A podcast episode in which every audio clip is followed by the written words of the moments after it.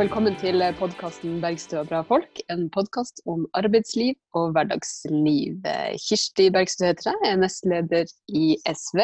Og med meg har jeg Ingrid Wergeland, kommunikasjonssjef i Manifest Tankesmie. All the way from Oslo. Ja, og du er i Nesseby. Ja, det kan man se på furubakgrunnen din. Eh, altså, mener du at folk som bor i distriktet i større grad har eh, tre i huset? Eller Nei, nei men du du står ikke ute på en motorvei. Du er hjemme, liksom. Det var poenget mitt. Ja, men heller ikke folk i, i Oslo har motorvei i stua si. Godt poeng! Heldigvis. Og hvorfor har vi ikke det? Jo, fordi vi har en miljøbevegelse. Uh -huh. Var ikke det en elegant og... intro til vår gjest? Det er en veldig, veldig, veldig elegant eh, intro til vår fantastiske gjest, som sitter i Tromsø. Eh, og som er eh, den eminente leder av Naturvernforbundet, Silje Ask Lundberg. Velkommen til oss. Tusen takk for det. Det er jo Utrolig. veldig hyggelig. Ja, jeg skulle akkurat si det. Du tok ordet fra munnen min. Altså. Utrolig hyggelig å ha deg her. Du, Silje, eh, vi skal jo snakke om eh, mye ut av det du jobber med og er opptatt av å tenke på om, om dagen. Eh, natur, miljøvern osv. Men kan ikke du først si noen ord om deg sjøl? Jo, det kan jeg. Noen ord om meg sjøl. Eh, det merker jeg eh, det er lenge siden jeg har blitt, blitt bedt om å gjøre. Eh, men, er det? ja, det vil, jeg, det vil jeg si. Det er litt uvant. Men ja, jeg heter Silje. Og så er jeg leder i, i Naturvernforbundet. Og gjør det fra Tromsø, Norges vakreste by. Um, så uh, det siste Du vet at vi får et, et sånn renn av bergensere uh, ja. etter sendinga når du ja. sier det? Sunnmøringer, Ålesund.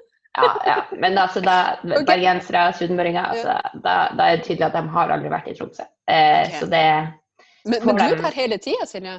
Du er her hele tida? Ja, jeg sitter jo her og er her eh, fast. Og så vanligvis så pendler jeg jo litt eh, til eh, Oslo tidvis. Eh, det har jeg det siste året drevet og gjort med tog. Men Fra Tromsø? fra Tromsø. Så først en liten buss til Narvik, og så et tog gjennom Sverige. Og så Men det er litt vanskelig nå, både fordi at da ville jeg jo fått sånn 14 dagers karantene hele tiden. Men også uh, bare fordi man ikke skal reise. Sånn at de siste tre månedene har, uh, har jeg vært, uh, bare vært i Tromsø. Men Hvor lang tid tar det å dra til Narvik med buss? Ja, Det tar ca. fire timer. Ja, det er ikke verre. Men så når du tar toget til Oslo fra Narvik, da? Ja, nei, det tar ganske lang tid. Så, så totalt så tror jeg vel eh, den eh, turen der tar en sånn ja, 30 ja, 30-34 timer ish. Ja, så det er kanskje ikke ukependling da, eller? Nei, nei, nei. Og da er det sånn at da drar jeg til Oslo, eh, og så er jeg en stund i Oslo. Eh, og så drar jeg tilbake og er en stund i Tromsø. Mm. Før jeg igjen drar til Oslo. Men eh, nei, det er, ikke, det er, ikke, sånn torsdag og søndag. Da hadde jeg på en måte fått en dag i Tromsø. Det hadde vært bortkasta. Men reiser du aldri med fly den veien? Eller jo. Sånn, ja? For jeg vil jo tro Hvis du plutselig skal i en debatt eller et eller annet, så vil du jo kanskje ikke ha tid til det der? Nei, ja. og, ikke, og, ikke og, og, jeg skjønner jo på en måte at Eh, å reise på den måten er jo ikke akkurat noe som eh, er aktuelt for eh, folk flest. Men, det høres ut som noe man gjør på trass? Ja, og det er nok det det er. Sånn at det er Og det, jeg tror det kom litt etter nettopp at jeg hadde jo flydd ganske mye. Og det er jo det som er på en måte min sånn, hvis vi skal snakke om sånn hva som er på en måte dårlig samvittighet, så er det jo det, uten tvil. Um, så da tenkte jeg at da skal jeg nå prøve å kunne ta toget når jeg kan. Um, og i hvert fall kunne prøve å ta tog én vei. Men da må man jo ha god tid, og så er jo trikset å på en måte kanskje spare opp en del sånn skrivearbeid og sånn som man kan få gjort på toget og på bussen, eh, som ikke er avhengig av sånn helt stabilt internett. For det kan jeg informere om at i Nord-Sverige eh, er det dårlig med det. Mm. Men jeg syns jo at den der pendlerruta egentlig er et eh, voldsomt godt innlegg for Nord-Norgebanen. Og realiseringa av Nord-Norgebanen. Både elektrifisering av Nordlandsbanen og og realisering av Nord-Norgebanen, sånn at man faktisk kan ha hele landet til å henge i hop på en miljøvennlig og effektiv og god måte.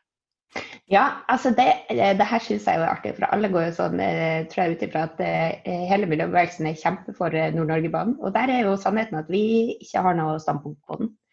Så der så er det Dere hater Nord-Norgebanen? Nei, så, så vi, vi, vil ha det som er jo så dølt og grusomt heter en konseptvalgutredning av Tromsbanen. Så altså at du forlenger fra Narvik til Tromsø. Og at man får utredninger på det. Men det er klart at jeg tror at man uansett må vite at hvis man skal bygge Nord-Norgebanen, så kommer det til å gå med en del natur. Eh, mm. også gjennom eh, mange områder hvor det jo er reindrift. Eh, sånn at det har på en måte noen sånn Det er ikke så rett fram. Det er liksom en del utfordringer som ligger her òg, som man er på en måte nødt til å ta tak i. da. Um, så, um, så, vi er i hvert fall opptatt av at man må ha på en måte alle Men at vi, vi har sagt at vi burde få de faktiske utredningene på forlengelse til Tromsø i hvert fall. Eh, og så vurdere det da. For SV har jo nettopp mm. fremmet forslag om Nord-Norgebanen i Stortinget, så SV har et tydelig standpunkt da, om ikke SV, SV er et veldig tydelig standpunkt og er en pådriver for å få eh, bygd Nord-Norgebanen. Og så er, er jo vi veldig enige med Naturvernforbundet og Silje sine, sine innvendinger. ikke sant? Fordi at eh, både det å bygge ned reinbeiteland eller eh, ha I Nordland så er det jo kjempeproblem at mm. togene dreper veldig mye rein. Eh, så Derfor så må man ikke finne på å starte sånne prosjekter uten å ha tett nok dialog med, eh, med næringa. Eh, mm. Og det er klart at valg av trasé og, og, sånt, og hvordan man skal bygge togbanen, det er jo kjempeviktig. Med, med mm. både hensyn til natur, miljø og, og, og reindrifta. Mm. Og det, det som uansett burde, er jo i hvert fall å, å få fiksa problemene som er på Nordlandsbanen. Sånn mm. uavhengig av hva man gjør med strekningen videre. Og det er jo både da å bygge gjerder og underganger, sånn at reinen faktisk For grunnen til at det går med så mye rein, er jo fordi man har lagt eh, linjer gjennom reinbeiteområdet. ikke sant? Mm. Sånn at, helt sjukt. Det er jo en massakre som skjer. Det er det, og da er man på en måte nødt til å, å faktisk eh, gjøre de tiltakene eh, som trengs. og det, Vi vet at gjerder funker, men så er jo det smarte å kombinere gjerder med underganger, sånn at eh, reinen faktisk kommer seg til de, de områdene den skal. Mm. Men det koster penger. Det koster penger, eh, og det krever jo en voldsom politisk kamp. Men det er jo ikke bare eh, tog eh, som truer reindrift, hvis vi kan starte der. Der har vi jo en, en, en voldsom, eller for så vidt nedbygging av natur. Mm. Der har vi jo en ganske stor diskusjon gående over hele landet nå, egentlig, knytta til utbygging av, av vindmølleparker. Mm. Og der er det jo altså våre Vi har jo lokal- og fylkeslag over det ganske land som nettopp eh, jobber med eh, å få stansa ganske mange av de her prosjektene. Eh, og da er det jo ser en utrolig, særlig i Nord-Norge og i Trøndelag, en kjempefrustrasjon, men òg litt sånn avmaktsfølelse, ikke sant. Fordi at det, er, det bygges i, i, områder og er med også på eh, å true, true det samiske kulturen, kulturgrunnlaget eh, pga. de arealene som går med. Vi vet at der er reindrifta helt eh, avgjørende da, for å opprettholde det. Og da er det jo problemet her òg er jo ikke sant at det er en sånn eh, det er, så, det er så mange arealinngrep, og særlig, særlig i enkelte av altså Hvis man ser på både sørsamiske områder og lulesamiske områder hvor man på en måte har bygd ned store store områder allerede, Sånn at det er på en måte så lite områder eh, igjen. Eh, og der kommer det da eh, planer om eh, vindkraftprosjekt som, som, jo også vil ha svære konsekvenser for, for det naturen og det biologiske mangfoldet i de her områdene. Så, og der er jo problemet at man har ført en liksom feilslått politikk. Man har på en måte tenkt at ja, her skal man bygge, man skal bygge store her, eh, vindindustriprosjekter i områder som, som har vært ganske uberørt av menneskelige inngrep. Um, men, og også at man gjør det med et helt vanvittig dårlig kunnskapsgrunnlag. Sånn at veldig mange av våre folk opplever jo at det som står i måte, konsekvensutredningen som er gjort, og, og, det som avgjørelsene er basert på, det stemmer ikke overens med, med den naturen som de kjenner i områdene. Um, og, og, med, ja, med, med hvordan på en måte eh, tilstanden egentlig er. Ja, hvordan det, da, liksom? Nei, med at det er ikke sant, Man kan ha fagrapporter som, som sier at nei, det går helt fint for, eh, for fugl, det er ikke noe problem.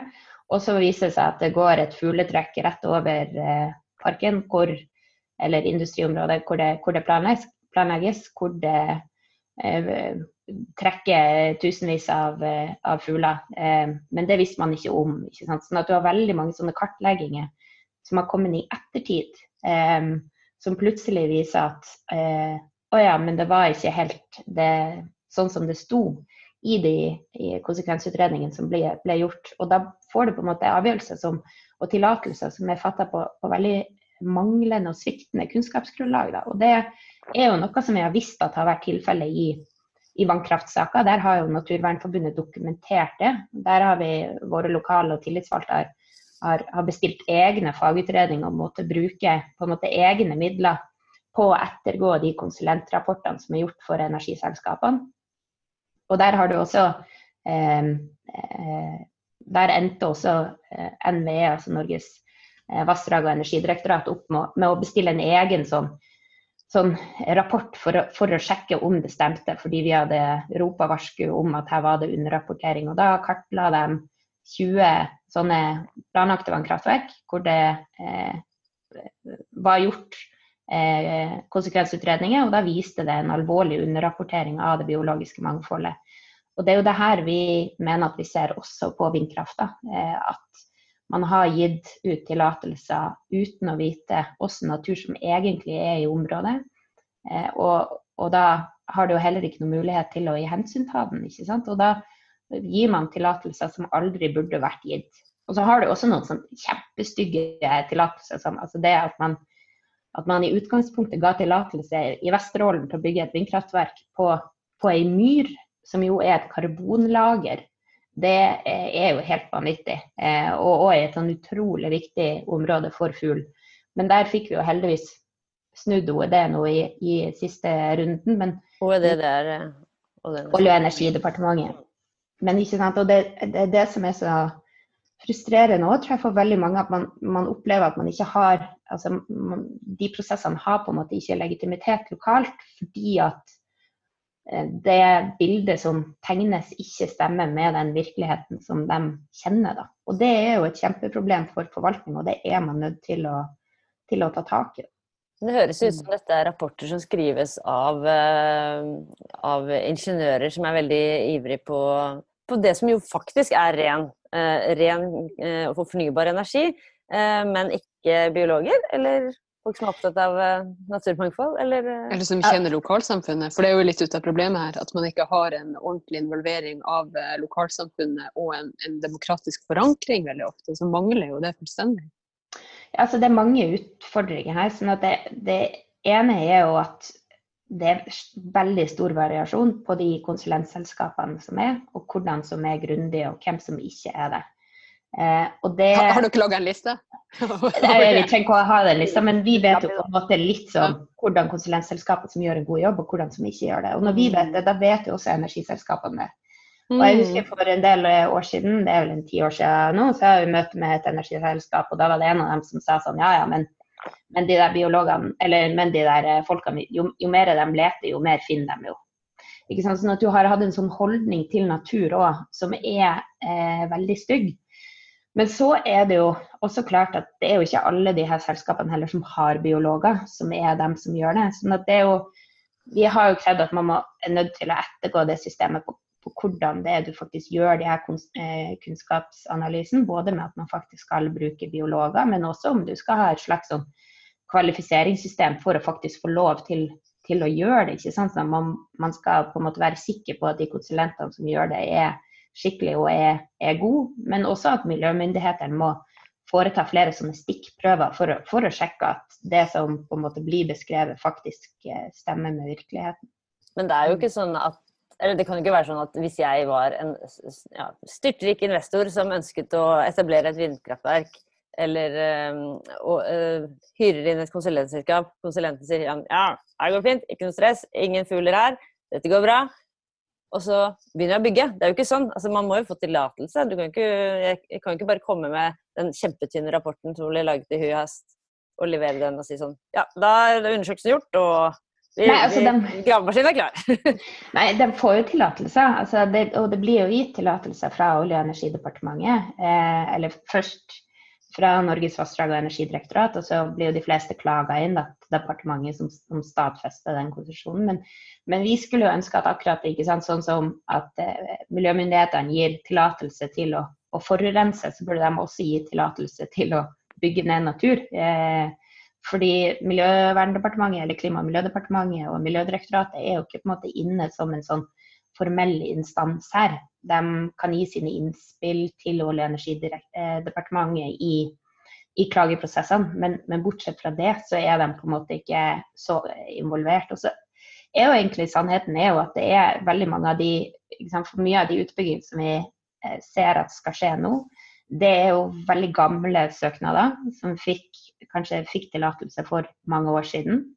Eh, og som har fagutredninger som er enda eldre. Sånn du har jo, på enkelte av de her prosjektene så er på en måte de biologiske kartleggingene de er fra 2004. Og det er klart at på 16 år så har mye forandra seg. Også vår kunnskap om naturen og kunnskap om hvorfor det er viktig å ta vare på den. Sånn at det, det gjør jo òg at det er veldig utdatert. da. Um, så um, ja, så det um, man, man, trenger å, å, endre eh, hele måten det konsesjonssystemet er, er, satt sammen på. Mm, men der er det jo varsla at det skal komme en sånn melding om det. Om nytt, ja. det og det jobber jo sikkert dere med fra Naturvernforbundets side, å påvirke det. Eh, ja, Hva tenker du at ville være det viktigste der, da? Nei, der er det jo veldig mye. De, de 15 viktigste punktene. Nei, men eh, det ene er jo som jeg sier, det med at man, man er nødt til å endre kravene til, til kunnskap som ligger til grunn. Eh, og i hvor stor grad eh, miljømyndighetene er, er involvert. Og så er jo noe annet som vi har sagt, og det er jo også at vi ikke ønsker noe vindkraftutbygging i reinområder. Være det seg villrein eller, eller tamrein. Så at man der sier at her, her er belastninga av det samla presset for høyt, og da skal vi ikke mm. tillate ytterligere inngrep. Men skal vi redde verden og ikke koke kloden helt, så må vi jo ha ren energi? Ja, vi må det. Og vi trenger å fase ut den fossile energien vi har. Um, og der er det jo med noe av det som, som virkelig har vært på en måte um, hva skal vi si, nedprioritert. da i veldig veldig mange år, det er jo det som handler om energieffektivisering. Å bruke den strømmen vi har på en langt smartere og klokere måte. Og der er det jo et potensial til en langt kraftigere innsats enn det man har i dag. Og det er jo på en måte også konfliktfri kraft, for det er jo kraft som er produsert, men det handler om å bruke den bedre. Eh, og der er det, Stortinget har jo satt mål om å spare eh, ti, det som heter terawatt-timer med en sånn strømmåler eh, med energi fra, eh, fra byggsektoren innen 2030. Men så har man ikke man har liksom ikke noe Regjeringa har veldig dårlig strategi på å følge opp hvordan skal man faktisk få det til. Um, for da handler det jo mye fordi energieffektivisering er jo også bra for privatpersoner. fordi det er jo smart for oss å kunne altså Da sparer man, man sparer penger. Men det er ofte dyre investeringer som ligger til grunn, så da må du ha gode støtteordninger. Eh, og der har man hatt en veldig sånn manko på, på satsing på det, da. Eh, så det er jo Altså, vi har ga ut en rapport i, i, eh, i høst eh, som viste at innen 2030 så er det mulig å, å halvere eh, det fossile energiforbruket Eh, eh, uten å ha noe storstilt eh, nye kraftutbygginger. Men det er klart, det krever både en utrolig stor satsing på energieffektivisering, men så kreves det også en omlegging av, av en del av transportvanene våre, f.eks. Man kan ikke drive, altså Privatbilismen kan ikke fortsette å, å stige og øke, og at man i de store byene Det heller ikke å bare skulle si at all vekst eh, skal tas med kollektiv sykkel og gange. Der må de ha en, en faktisk reduksjon i, i eh, bilbruken. Det være seg uavhengig av på en måte, hva som inn, altså, hvordan type bil du har. Så, så, er man nødt til å på en måte Vi må flytte passasjerer fra bilen til de kollektive eh, transportmidlene. Og det er jo nettopp også fordi at i veldig mange kommuner eh, og bygder så, så, vil det ikke være sånn at på en måte kollektiv kan komme inn på den måten som de gjør i storbyene. Eh, og Derfor er storbyene nødt til å ta en større del av reduksjonen for at man fortsatt skal kunne eh, bo og transportere seg i mer grisgrendte strøk. Men, men er det nok, tror du? Tror du ikke vi må også ha mer jeg vet ikke, solenergi og vindenergi og vann? Sånn? Jo, altså eh, det som eh, altså Den rapporten viser at du kan halvere innen, innen 2030. Og så er det klart så ønsker vi en full utfasing innen 2040. Eh, av fossile av, eh, Ja, så vi ønsker å fase ut all fossil energibruk innen 2040. I hele samfunnet? i hele samfunnet. Fossilfritt samfunn. Fossilfritt samfunn. Så den rapporten heter 'Fossilfritt Norge'.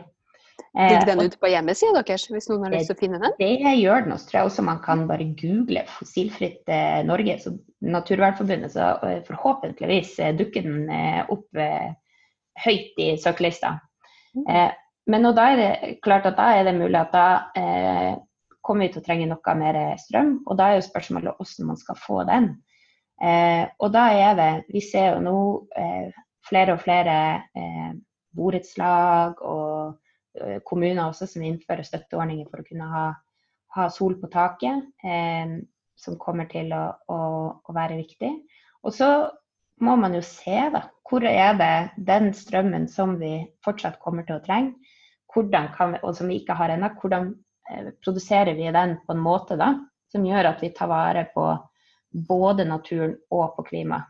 Men for akkurat nå så har man på en måte skjøvet veldig eh, mange hensyn til naturen bare eh, Eller man har på en måte ikke lagt, ilagt naturen noe vekt ved veldig mange av de beslutningene som er gjort. Eh, og det er jo det som er problemet, at vi, vi står i to kriser som begge to er utrolig altomfattende, og som kommer til å kreve en en omlegging av samfunnet som jeg tror det er vanskelig å se for seg hvordan, eh, hvordan samfunnet i 2040 kommer til å se ut. For det kommer til å være annerledes. Vi er nødt til å endre banene våre. Vi er nødt til å ha en ganske drastisk annerledes politikk. Men det er både en naturkrise og en klimakrise da, som må, må løses i sammenheng. Ja, og da kan jo det ene rett slå i hjel det andre. At i kampen mot at kloden eh, skal koke, så bygger man ned eh, natur og utrydder enda flere arter. Og Det er det vi må, må hindre. ikke sant? Fordi vi vet at nå så er den største trusselen mot naturen det er eh, at man, man, bygger den ut, man, man ødelegger den. Eh, også på sikt så kommer klimaendringen til å være eh, den største trusselen mot naturen.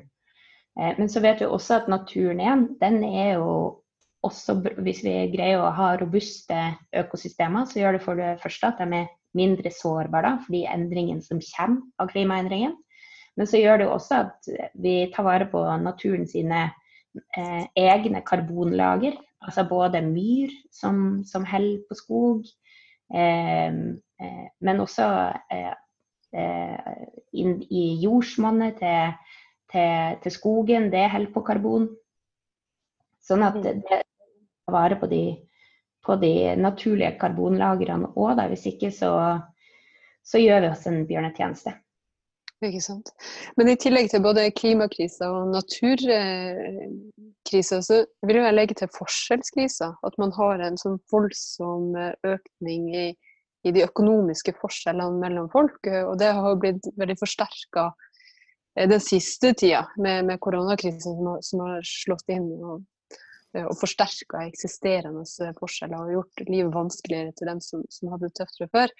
Og da er det jo også viktig at de eh, løsningene som man løfter frem, at de eh, eh treffer også sosialt. Så jeg tenkte på, når du nevnte det med, med fornybar energi til, til, hjem, så burde man jo først prioritert de som i utgangspunktet bor litt trangt og, og som ikke nødvendigvis har en økonomi til å investere i den slags sjøl. Jeg tenker at alle de, de endringene og omleggingene vi gjør, er jo nødt også til å ha et sånn klasseperspektiv eh, ved seg, for at ikke eh, man skal skyve folk bort, eller eh, at, eh, at man ikke på en måte har råd eh, til miljøkampen. For jeg, jeg, tenker at det er veldig viktig at vi, at vi klarer å si at vi har en felles interesse. Eh, det er, jo, det, er jo, sånn at de som bor nærme motorveien, dør tidligere.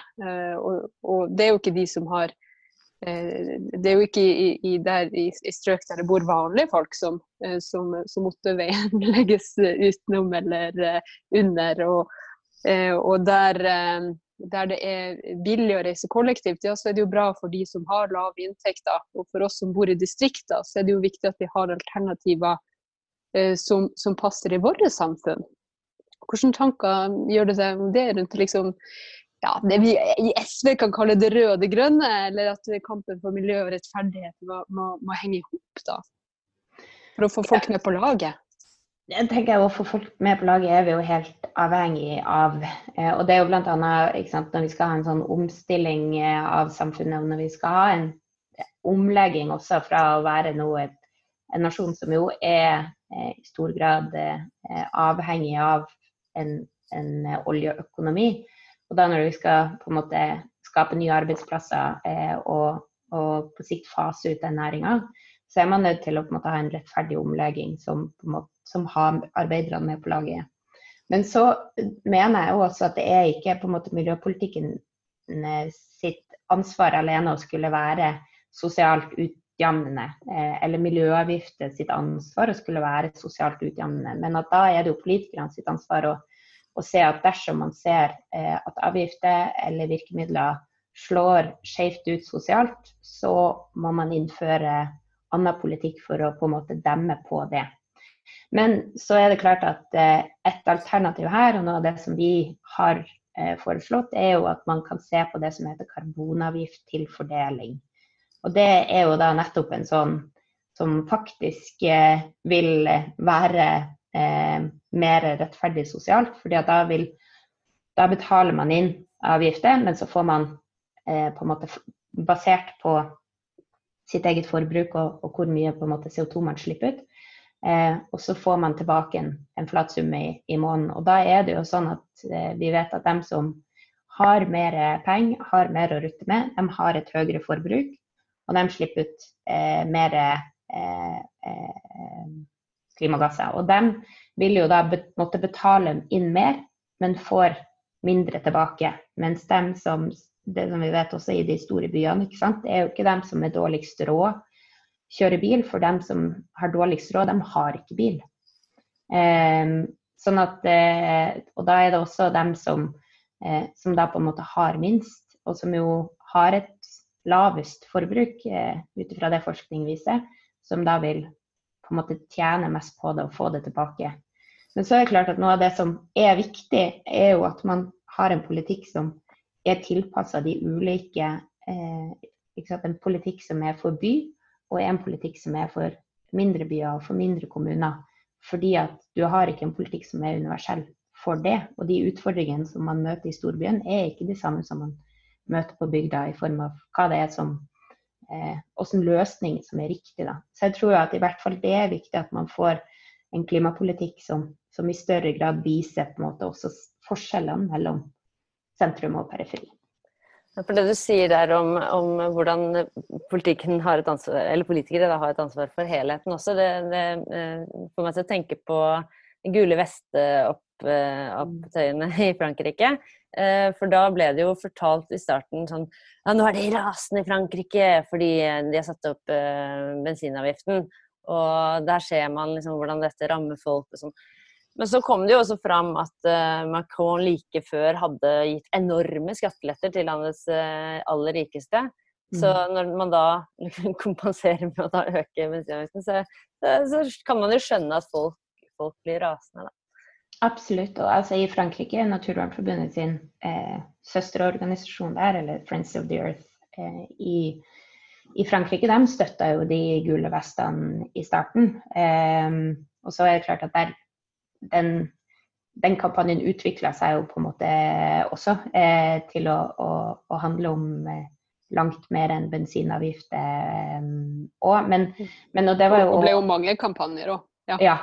Eh, og, og, det var jo nettopp også fordi Og noe av det som på en måte budskapet som de sendte oss, var jo at det her handla om langt mer enn bare bensinavgifter. At det handla også om at man med tanke på minstelønn, med tanke på altså, det, var, det, var, veldig mye da, eh, som, som, var eh, grobunn for det det opprøret som man så der. Men, med det derre eh, karbonavgift til fordeling, som jo er, er kanskje nytt for mange, da. Eh, jeg tenker sånn det er jo lett å, å, se for seg, som du sier, at eh, folk med veldig god råd da, kanskje har flere biler, et kjempestort hus, eh, kanskje til og med svømmebasseng. Altså, det er jo ikke masse på hvor mye flott man, man, kan eie hvis man har mye penger. Men da vil det jo ligge en del, f.eks. på bilene disse folka har, så vil de ha masse avgifter allerede. Sånn. Liksom, ser du for deg denne, når du beskriver den avgiften, skal det være en, en ny avgift på en måte oppå alt som man liksom skal trekke fra? Og hvordan skal man måle hva folk bruker penger på? Skal man liksom eh, hva da? Liksom skal bankkort og overvåkning? Jeg skjønner ikke. Det høres litt sånn eh, krevende ut i praksis.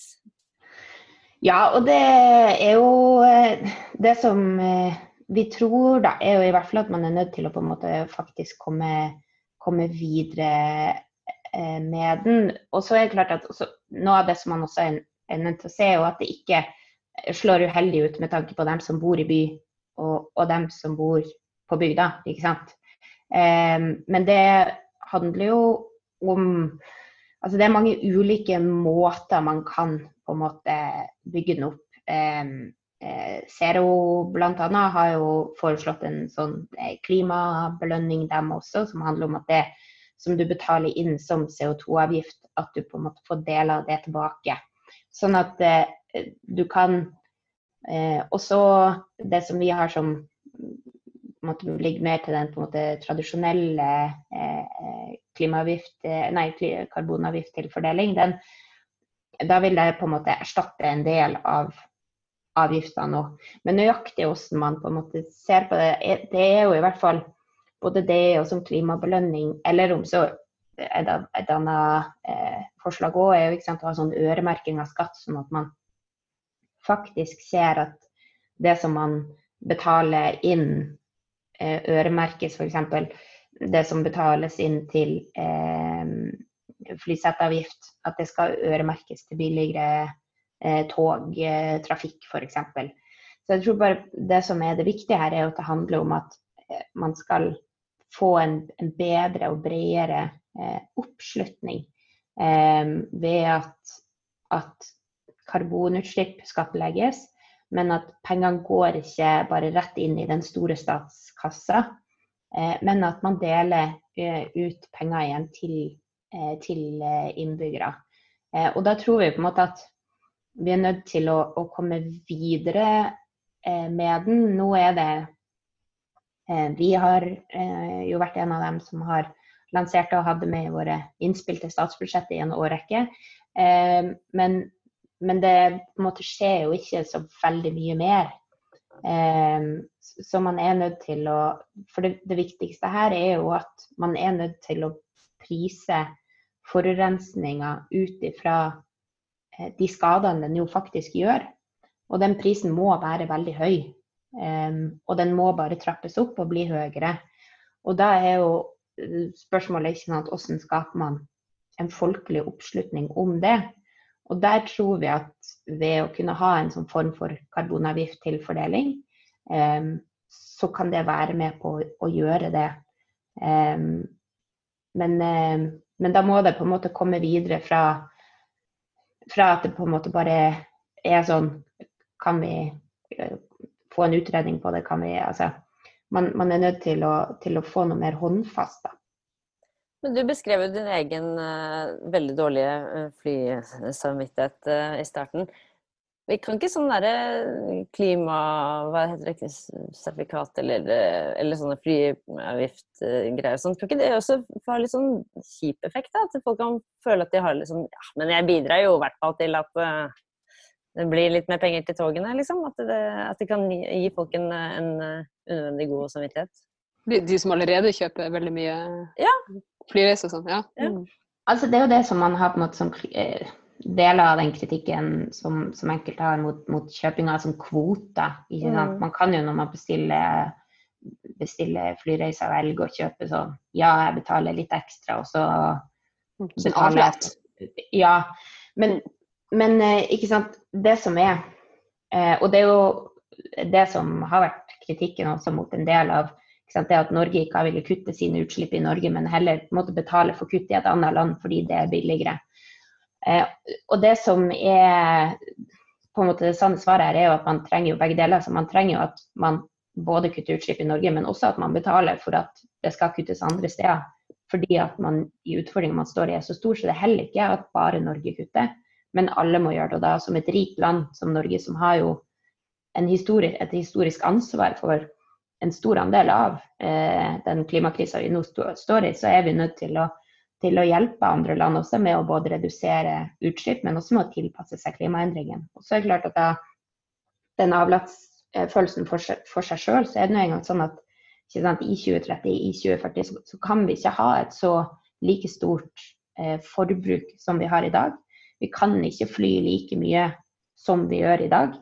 Eh, og det som jeg i hvert fall tror, hvis vi skal ta, på en måte trekke en en lærdom fra den koronakrisa vi har vært i nå eh, de tre månedene med eh, på en måte samtlige sitter på hjemmekontorer rundt omkring, så er det jo at en del av de arbeidsreisene man har hatt, er overflødig. ikke sant? Man trenger ikke å fly like mye. Og det er jo det som da også er utfordringa med en del av de krisepakkene f.eks. som gis nå, og hvordan man utformer krisepakken f.eks. Til, til luftfarta. fordi der har jo Avinor, som er dem som måtte, eh, drifter rundt om og har de ulike flyplassene osv., de har jo hatt en sånn, et sånn belønningsordning for flyselskap.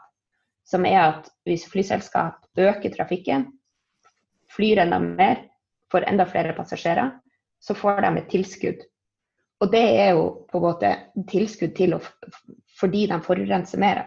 Sånn at man har hatt en sånn politikk som er helt feil. Og det som og de driver og planlegger ikke sant, for en tredje rullebane på, eh, på Gardermoen, for en andre rullebane eh, på Flesland utenfor Bergen. Eh, og tenker at man fortsatt skal få flytrafikken opp på samme nivå som den var før korona, eh, det er jo å ikke helt forstå åssen krise det er man står i. Men også heller ikke forstå den, den utviklinga vi nå en gang har hatt de siste tre månedene med at med at mange reiser nok kommer til å bli overflødig, og at folk kommer til å reise mindre. Avinor høres ut som et litt sånn tilfeldig bedriftsnavn, men det er jo, det er jo en statlig bedrift. Ja, ja, ja. Det er jo statens eh, flyplass, fly, flyplassbedrift, liksom. Sånn at ja. staten driver da og pumper inn insentiver for økt For å fly. trafikk. Ja. Men da vil jo mange si at men fly skal vi også gjøre i fremtida. Spørsmålet er bare hva de flyene skal gå på, da. Eh, men om man trenger å bygge ut en tredje rullebane og den andre i, på Flesland, sånn, det er noe helt annet. Det er sterkt imot den tredje rullebane.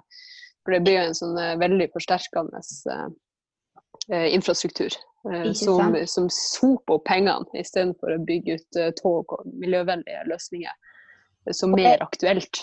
Ikke sant. Og det er helt klart, noen steder skal man jo fortsatt fly. altså ikke sant, det er jo ikke sånn altså, Hvis du skal fra Båtsfjord til, til, til Tromsø, så skal du fortsatt få lov å fly, eller hvis du skal fra måte, Båtsfjord til, til, Oslo, eller fra Tromsø til Oslo, så er det på en måte det, det er enkelte strekk som man fortsatt må fly.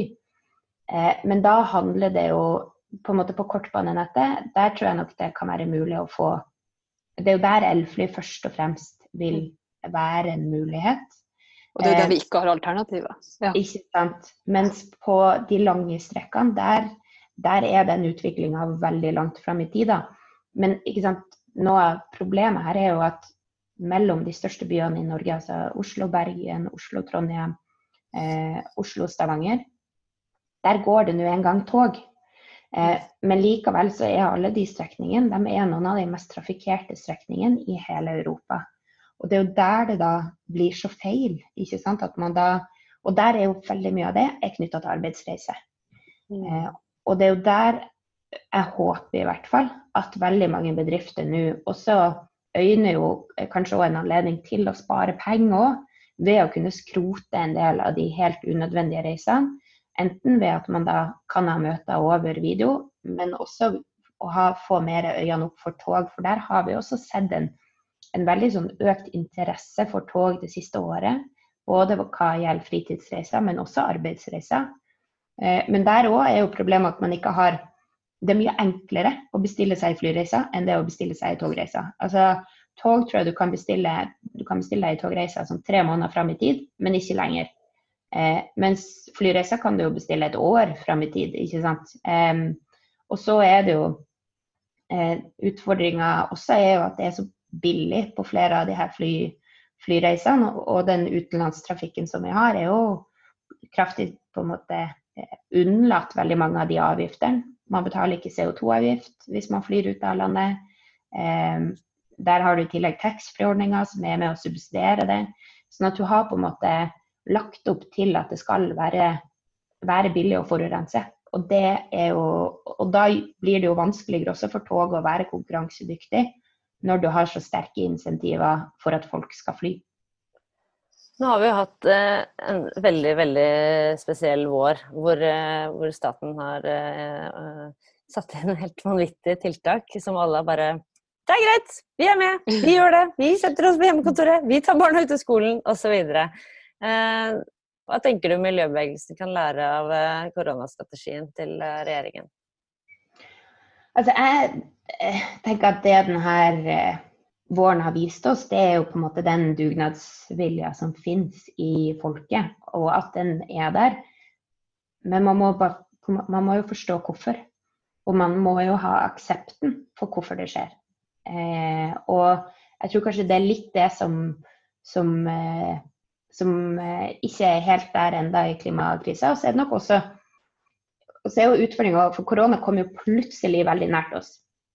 Ikke sant, Da det var borte i Kina, da var vi ikke så Da var det sånn Ja, ja, OK. Og så plutselig var den her. Og da ble jo på en måte eh, Fordi alle har noen som er umistelig, ikke sant. At man, man, man er jo man vil ikke at sine venner skal bli syke, sine familiemedlemmer. Kanskje har man, kjenner man noen i risikogrupper. ikke sant? Så da ble det jo også veldig nært på en helt annen måte.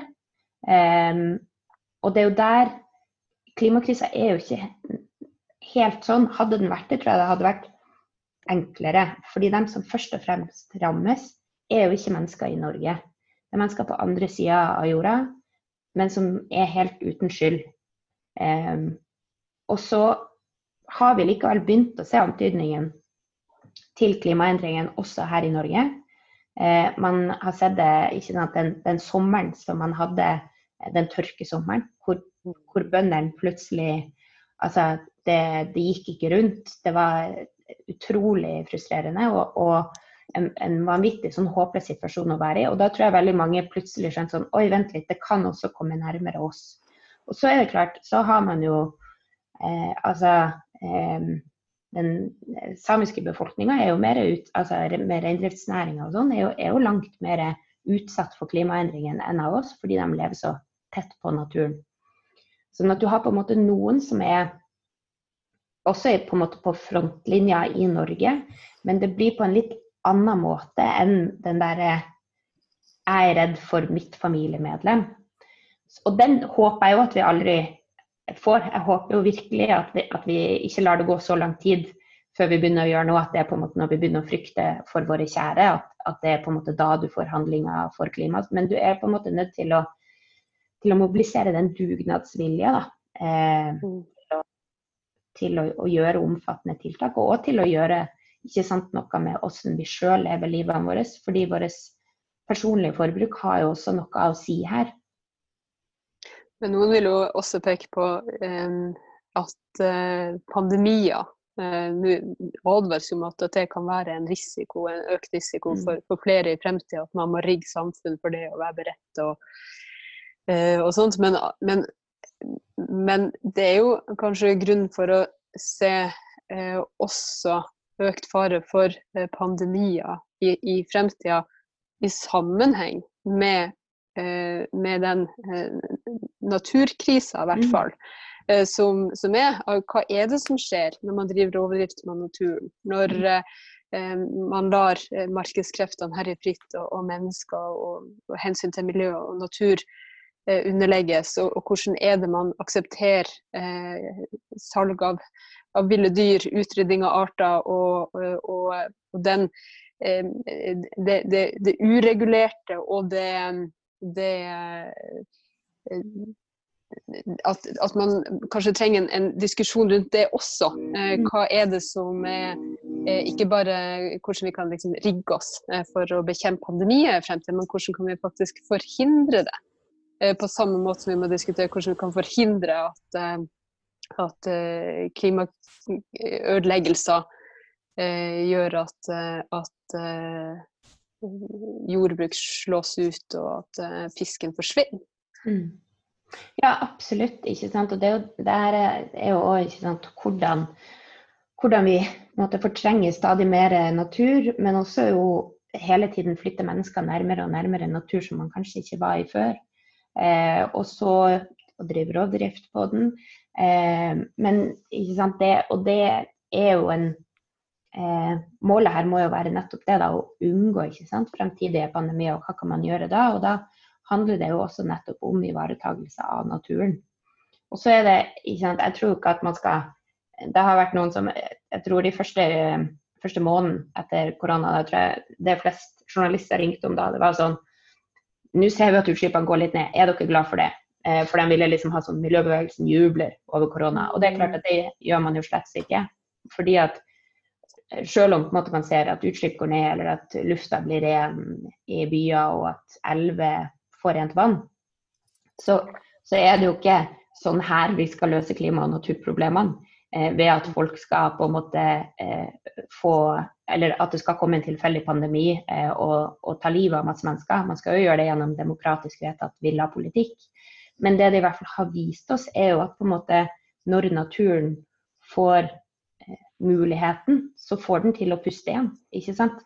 Så jeg tenker sånn at Hvis det er noe man skal ta med seg, så er det jo nettopp det at det er mulig eh, å få til å løse de eh, problemene man står i. Det er mulig å, få, å fortsatt kunne ha en frisk og god natur.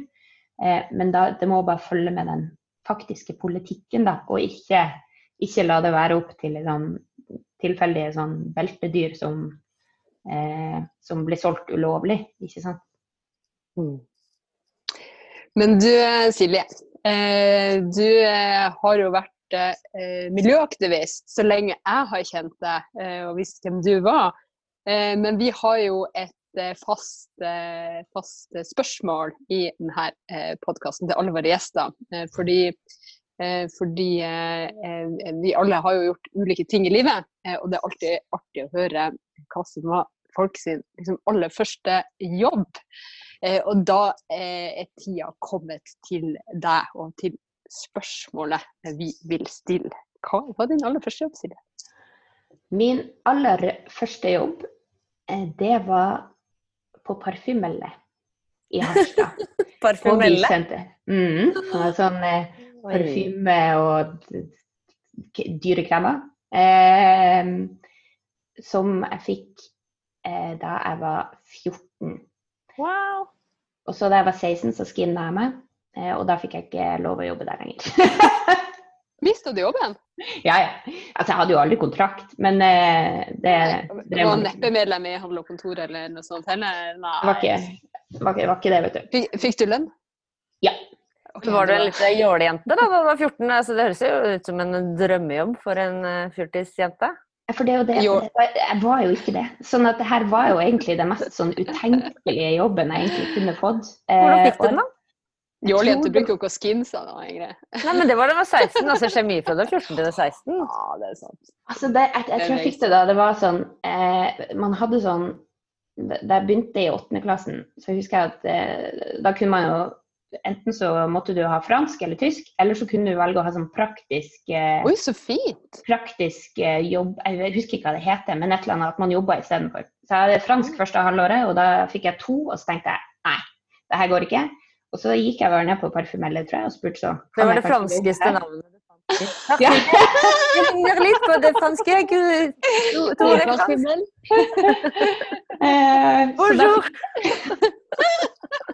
så da jobba jeg der først da, en gang i uka resten eh, av eh, det skoleåret, og så jobba jeg der eh, sånn fast som sånn tilkallingsvikar etterpå. Eller fram til, frem til jeg skinna meg, da. Ja.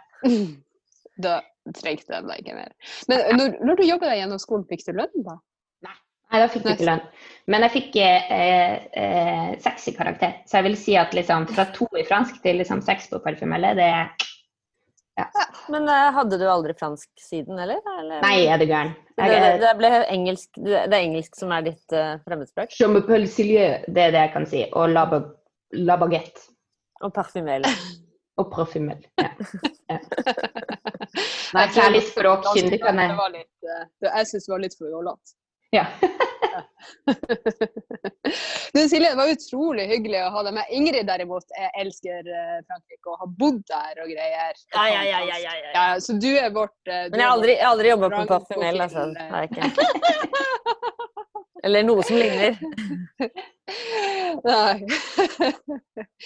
Um, Men Silje, det var utrolig hyggelig å ha deg med. Eh, tusen takk for at du delte dine tanker med oss og med alle som hører på. Så må jeg bare spørre en aller siste ting. For når folk har hørt på alt det kloke du har å si, så er det kanskje mange som har lyst til å bli med i Naturvernforbundet. Eh, hvordan gjør man det? Åh, det er jo så enkelt. Eh, da tar man opp telefonen, og så sender man en SMS hvor det står eh, 'natur'. Og så sender man det til 2377. Eh, 2377, altså. Jeg håper virkelig jeg sa riktig nå. Hvis ikke så går man på nettsiden vår, og så finner man eh, riktig, eh, riktig eh, info der. Ja, Men, det er naturvernforbundet.no, rett og slett. Jo, men du, sa helt riktig. Nå dobbeltsjekka jeg det. Jeg googla samtidig. Man sender oss en SMS med kodeordet 'natur' til 2377. Herlig. Da oppfordrer vi alle som ikke allerede er medlemmer, til å gjøre det. Sjekk ut Naturvernforbundet. Det kan hende det er et kjempegodt lag akkurat der du bor. Og bli med i kampen både for klima og miljø. Og så vil jo jeg kanskje legge til forskjeller i tillegg. Eh, takk til deg som hørte på. Eh, takk til Silje. Ha en fantastisk dag videre.